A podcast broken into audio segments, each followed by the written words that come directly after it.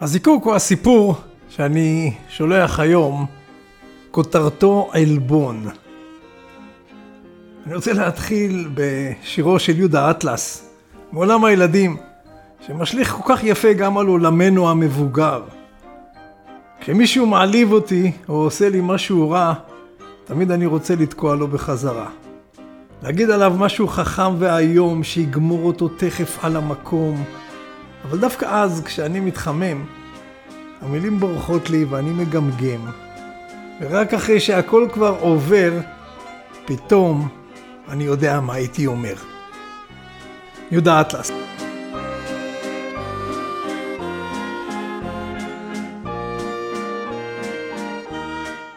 וזה לוקח אותי לסיפור נחמד, מתוך מופע של סטנדאפיסטית אמריקאית פופולרית בשם קריסטלה אלונזו.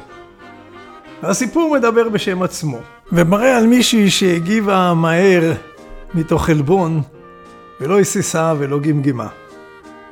כך היא מספרת. אני אוהבת ללבוש בגדים נוחים ופשוטים, ולבושה כך נכנסתי לחנות יוקרתית של ביגוד ואביזרי אופנה. התמקדתי במחלקת המוזלים. ראיתי תיק, לא היה עליו תג מחיר, אז פניתי למוכרת ושאלתי למחירו של התיק. היא הביטה בבגדיי, ואחר כך בי, במבט מתנשא כאילו ואין לענייה כמוני מה לחפש בחנות הזאת.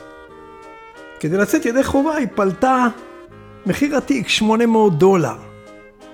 ואז היא הסבה את גבה אליי. אני לא נוהגת לרכוש פריטים במחיר הזה, אבל פלטתי לכיוונה, אני, אני אקנה אותו. היא הביטה בי במבט מבודח, כלא מאמינה, וחזרה על המחיר, אולי לא שמעתי. ואני חזרתי ואמרתי שאקח את התיק. והיא אמרה שתיקח את התיק לקופה, וכשאסיים שאגיע לקופה. היא בוודאי חשבה שאקפוץ על ההזדמנות לצאת בשקט מהחנות. כשהגעתי לקופה היא די התעלמה ממני.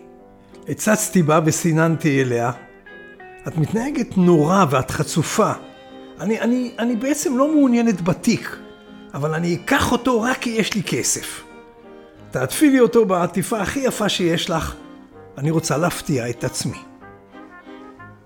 ועמדתי שם כשהיא עטפה את התיק, ביקשתי להחליף את העטיפה ולהוסיף סרט, ואחר כך להחליף לסרט אחר, ורק אז כשגמרתי להציק לה שילמתי, העפתי במבט השמור לי תמיד כדי להכניע מישהו, ויצאתי מהחנות.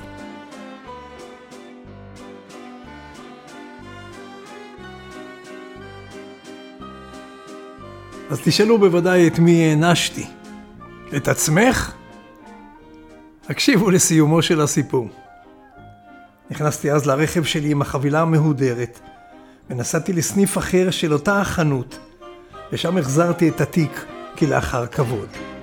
איש כמובן לא שאל מדוע, כך זה באמריקה, הרי באמת לא היה לי כסף לתיק כזה יקר, אבל כל כך, כל כך רציתי ללמד את הכלבה הזאת שירות וכבוד מהם. כך סיפרה קריסטלה אלונזו. וכמה מילים משלי.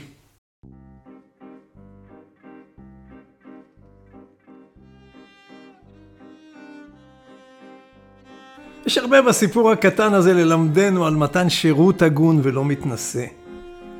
אבל גם הרבה נאמר על עלבון, על פגיעה בכבוד ובערך העצמי של האדם, על השפלה, וכמובן על יצר הנקמה שכל אלה מעוררים.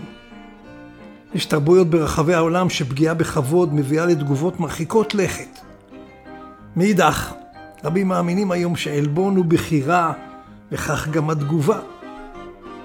לי, החוויה הקטנה הזאת של קריסטלה אלונזו, הזכירה לי את הסצנה הבלתי נשכחת של ג'וליה רוברטס בסרט אישה יפה, והמשפט האלמותי שהיא אמרה, big mistake, huge, שגיאה גדולה, ענקית.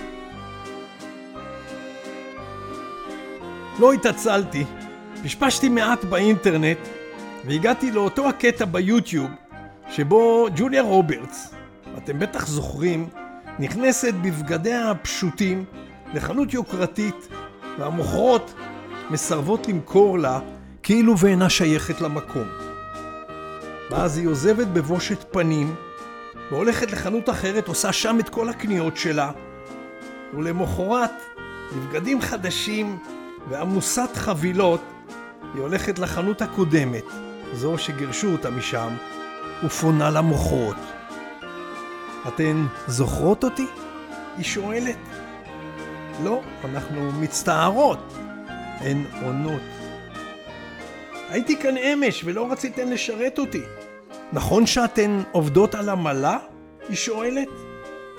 וכשהן מאשרות, היא מנופפת בשקיות שבידיה ואומרת להן את המשפט האלמותי, שגיאה גדולה, ענקית. ואז היא הולכת לדרכה. הקשיבו לקולה של ג'וליה רוברטס, לא לפני שניתן קרדיט לנעימה שברקע, ואלס מספר 2 של שוסטקוביץ'. זיקוקין דינור, שוקה דינור.